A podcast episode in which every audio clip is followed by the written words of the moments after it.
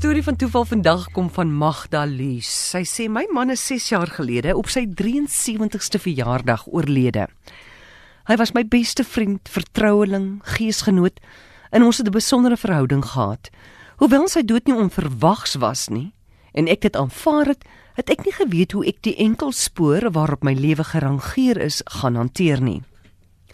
8 dae na sy dood het ek na 'n episode van Van Ley van Sluiers op TV gekyk. In een toneel vertel een van die karakters vir haar man van haar swangerskap en hoe oorstelp van vreugde hy was. Dadelik het my gedagtes teruggegaan na die wonderlike dag toe ek en my man, hy was toe 38 en ek 31, by die dokter gehoor het dat ons eersteling op pad is.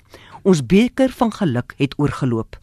Hy het by die naaste bloemistewinkel stilgehou Hoewel voltooide ruikers in daai jare die inding was, het hy uit die winkel gekom met 'n glas blompot en 'n eislike gerf blomme. Hy het gesê: "Ek wil hê jy moet dit self rank skik, want dit is vir my een van die mooiste dinge om jou dop te hou wanneer jy met blomme besig is." Die herinneringe aan daai spesiale dag het my oorweldig en ek was in trane. Skielik toe lui die deurklokkie. Voor die deur was een van ons komplekse sekuriteitswagte met 'n pragtige gerf blomme wat vir my by die hek afgelewer is. Die blomme was afkomstig van vriende in Nieu-Seeland wat gereël het vir die aflewering.